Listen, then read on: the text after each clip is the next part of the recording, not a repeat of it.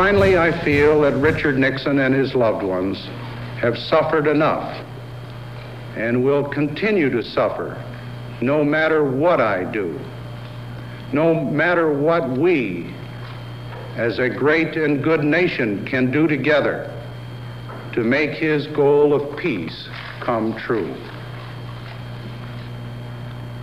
Now, therefore, I, Gerald R. Ford, President of the United States, pursuant to the pardon power conferred upon me by Article 2, Section 2 of the Constitution, have granted, and by these presents do grant, a full, free, and absolute pardon unto Richard Nixon for all offenses against the United States which he, Richard Nixon, has committed or may have committed or taken part in during the period from July 20, 1969 through August 9, 1974.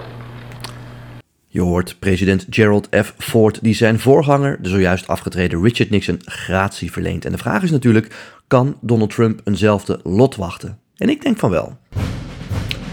Ja, jullie weten het allemaal waarschijnlijk nog. Voor degenen die het niet weten, Richard Nixon, in de jaren 70 president van de Verenigde Staten, treedt uiteindelijk af, moet aftreden omdat hij, uh, dat is het bekende Watergate-schandaal, het hoofdkantoor van de Democratische Partij heeft laten afluisteren om zo daar in de campagne voordelen uit te kunnen halen. Dat is gebeurd in Watergate, dat hotel uh, bestaat ook nog, of een soort conferentiecenter is het eigenlijk. Kun je bezoeken, heb ik ook een paar jaar geleden gedaan.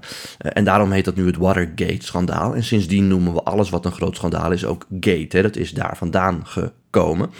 En ja, Richard Nixon, anders dan Trump, moet aftreden omdat zijn eigen partij zegt: ja, er is gewoon geen steun meer voor u. De Democraten willen u weg hebben, maar wij vinden ook wat dat u gedaan hebt, wat u gedaan heeft, dat dat niet kan. Uh, u heeft ook onze steun niet, dus het huis uh, heeft gestemd om u af te zetten. In de Senaat komt er dan een rechtszaak. Ja, wij gaan u daar niet helpen. Bij Trump is dat wel gebeurd, maar zij hebben tegen Richard Nixon gezegd: ja, uh, tijdens een meeting in het Witte Huis, ja, wij gaan u niet steunen. En ik ook niet, zei die senator. Dus ik denk dat u beter af kunt treden om die beschamende vertoning voor te zijn. En dat heeft Richard Nixon gedaan. Zijn vicepresident uh, Spiral Agnew deed dat ook. En dat leidde ertoe dat dan de nummer 2 in opvolging eh, van het presidentschap. Nummer 1 is natuurlijk de vicepresident. Nummer 2 is de voorzitter van het Huis van Afgevaardigden. Dat was, dat was Gerald Ford, dat die uiteindelijk president is geworden. En daarmee is, uh, fun fact, Gerald Ford overigens ook de enige Amerikaanse president ooit die president is geworden zonder ook maar één stem ontvangen te hebben. Hè? Een beetje Frank Underwood, Kevin Spacey. Nou, dat is dat verhaal. Um, en Gerald Ford is dan op een gegeven moment president en zegt, ja, dat zegt hij ook in deze toespraak, hè, Nixon is eigenlijk al ontzettend gestraft. Hij heeft het presidentschap op moeten geven. Um, hij eh, gaat de geschiedenisboek in, tot op de dag van vandaag, hè, in, uh, als, als toch een oplichter. Terwijl hij ook heel veel goede dingen heeft gedaan, want dat is al een hele zware straf. Moeten we hem dan ook nog achter slot en grendel zetten? Ik denk dat we dat niet moeten doen, zei Gerald Ford. En toen heeft hij dus zijn voorganger gratie verleend. Dat hoor je hem net zeggen. En ik denk dat er een grote kans is dat dit bij Donald Trump ook gaat gebeuren. Daar uh, heb ik een aantal redenen voor. Kijk, er, er, is nu een debat gaande uh, over omtrent juristen, maar ook politicologen in Amerika die zeggen wat Gerald Ford daar heeft gedaan is eigenlijk heel slecht. Want daarmee heeft hij het idee gecreëerd, het, het idee geschept dat je als president boven de wet staat, omdat dus Nixon uiteindelijk niet veroordeeld is. En dat is niet zo.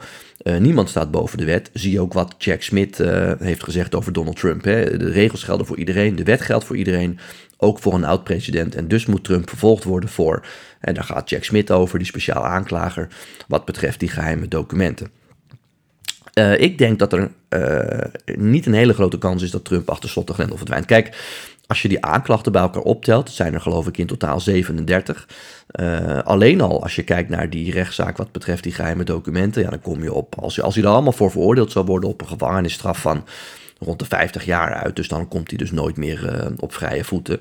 Maar ik denk dat de kans vrij klein is dat dat gebeurt, juist door het voorbeeld wat president Ford uh, heeft gezet toen tijdens uh, die actie om Richard Nixon gratie te verlenen. Want ga maar na, er zijn, uh, ja, er kunnen hele gekke dingen gebeuren, maar er zijn eigenlijk drie mogelijkheden.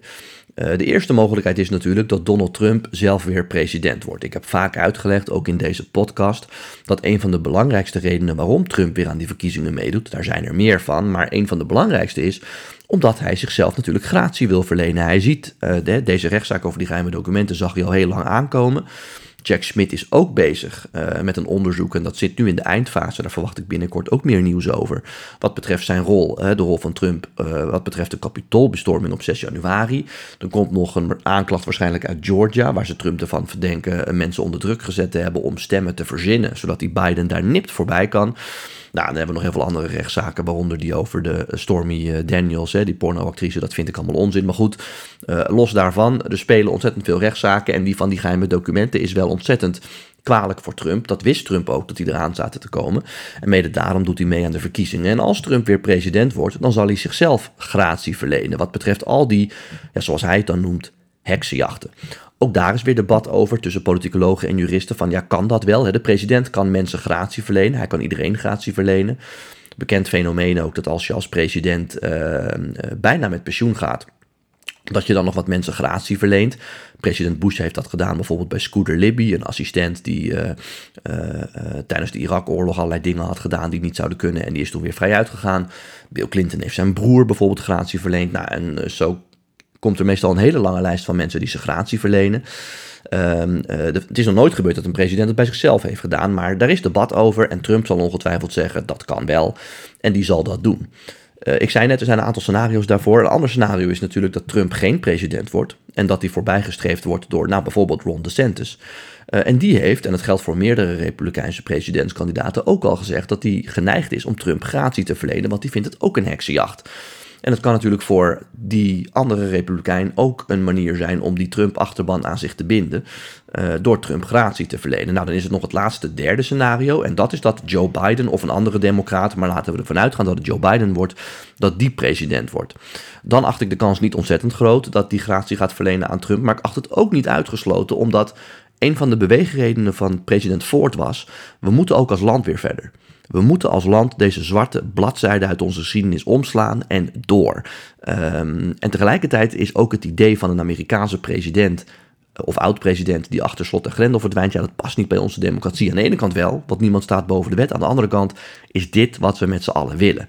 Dus ik acht het ook niet 100% uitgesloten dat als Joe Biden uh, en de democraten om hem heen van mening zijn dat Trump geen gevaar meer vormt, dat hij hierna niet nog een keer gaat proberen om president te worden, dat ze hem dan alsnog gratie verlenen. Omdat je dan wel kunt zeggen, hè, Joe Biden wil natuurlijk ook bekend staan als iemand die de verschillen overbrugt en mensen bij elkaar brengt. Dat je kan zeggen, ik ben het niet met Trump eens.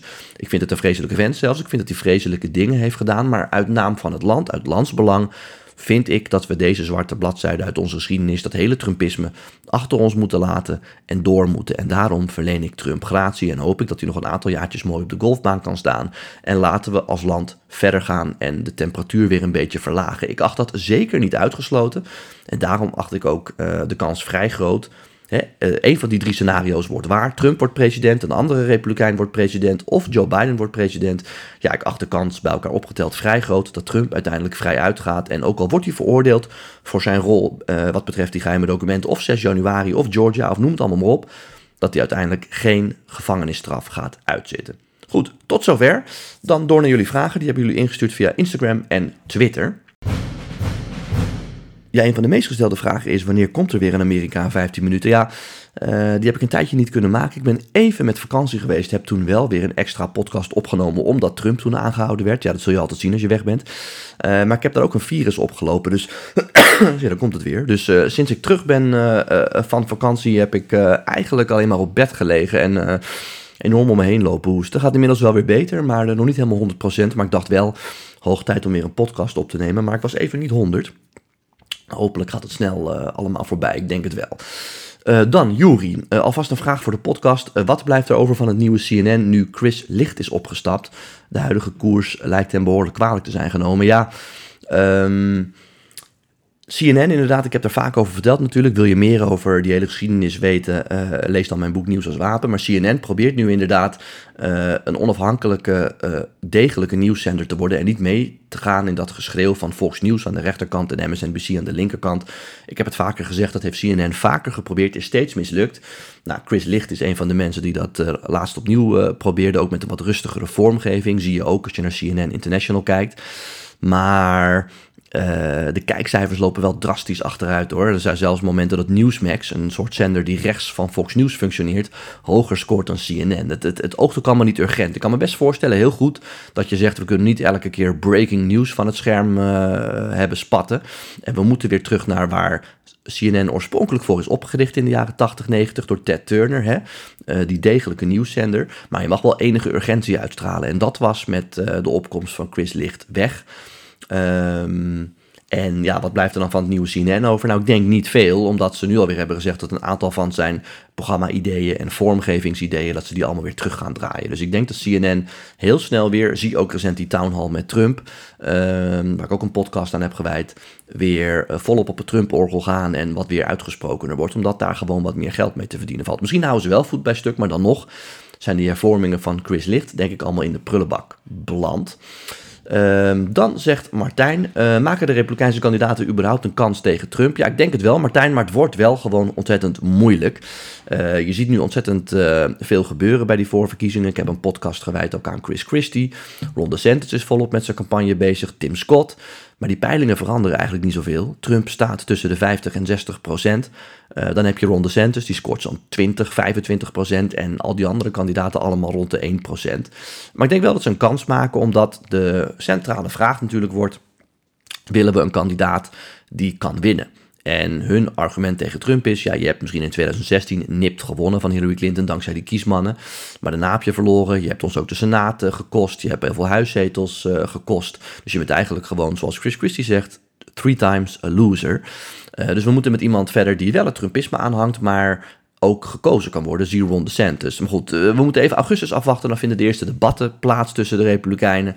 en dan is, uh, dan is er een moment dat misschien die procentpunten wat gaan veranderen. Ik denk zeker dat er een kans ligt, maar het wordt wel moeilijk omdat Trump ook tegen Joe Biden, is mijn mening, zeker niet kansloos is. Dus de achterban van Trump zal denken, nou Trump kan wel degelijk winnen. Dus we laten hem om die reden niet vallen. En bovendien blijven ze hem sowieso natuurlijk vaak trouw. Um, dan Cherk. Waarom zouden de Republikeinen Trump laten vallen? Vraagt hij in verband met de geheime dossiers. Terwijl de huidige democratische president Biden ook geheime documenten in zijn garage had liggen.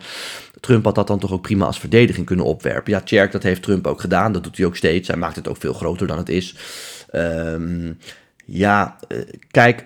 Mijn mening is, breed moet er gekeken worden in Amerika naar hoe je met die geheime documenten omgaat, omdat iedere oud-president daar dus in de problemen mee komt. Uh, al is het maar omdat bijvoorbeeld een uh, agenda. Dat, dat gold in het geval van Joe Biden of Mike Pence trouwens ook. Een agenda uh, met zijn schema erop, dat is ook al geheim. Uh, en jaren later ligt dat dan nog ergens in zijn kantoor. Maar is het officieel nog steeds een geheim document? Dan denk ik, ja, daar gaan een aantal dingen mis natuurlijk. het verschil is natuurlijk wel tussen zowel Mike Pence als uh, ook Joe Biden, dat zodra die erachter kwamen dat ze die geheime documenten hadden liggen, dat ze die hebben teruggegeven. En voor Trump geldt dat niet. Sterker nog, blijkt nu uit die aanklacht, hij heeft geprobeerd via zijn advocaten en ook zelf en ook door die documenten te verstoppen, te liegen uh, tegen de FBI. En dat is natuurlijk vrij kwalijk. En ik moet eerlijk zeggen, ik ben de eerste die Trump verdedigt als ik denk dat het nodig is. Maar als je kijkt naar die aanklacht, en dat wisten we ook voor een groot deel al. Ze hebben meerdere keren over een periode van ruim een jaar aan Trump gevraagd om, om alsjeblieft die documenten terug te geven. Nou, als jij of ik die documenten hadden meegenomen, hebben ze dat echt niet zo lief gevraagd aan ons hoor. Dan hadden we lang achter slot en grendel gezeten. Bij Trump hebben ze dat wel gedaan. Uiteindelijk zelfs een officieel uh, opsporingsbevel of een bevel uh, om ze in te leveren heeft hij ook genegeerd. Toen heeft hij zich geprobeerd te verstoppen. Ja, uiteindelijk konden ze niet anders dan die inval doen en daar ontdekten ze nog veel meer documenten. Dus het is ook een beetje Trumps eigen schuld. En die situatie is niet hetzelfde, ook al zou Trump dat wel graag willen, als die van Biden en Pence. Dan vraagt Martin: kan Trump überhaupt een aanklacht aantrekken om Biden te laten uh, uh, vervolgen? Ja, als, uh, als Trump weer president is, kan hij zelf ook een speciaal aanklager in het leven roepen. En bijvoorbeeld Joe Biden en alles wat er met Hunter speelt te laten onderzoeken. Dat kan. Hebben de Republikeinen nu ook al voor een deel gedaan, maar er komt volgens nog weinig nieuws uit. Vind ik. Ik weet dat heel veel mensen op Twitter tegen mij zeggen: besteed nou aandacht aan Hunter. Ja, dat doe ik. Als er nieuws is. Maar uh, dat is er momenteel niet. Goed, tot zover weer. Dank voor al jullie vragen. Uh, blijf die opsturen, dan beantwoord ik ze weer in mijn volgende podcast. Ik heb ook nog een aantal liggen, want ik kom niet aan allemaal toe. Dus als je denkt, ja, maar ik heb een vraag ingestuurd, je hebt hem helemaal niet beantwoord, wacht dan even tot de volgende podcast of die daarop, dan neem ik die daarin mee. Dank voor het luisteren en tot weer een volgende podcast. Tot dan.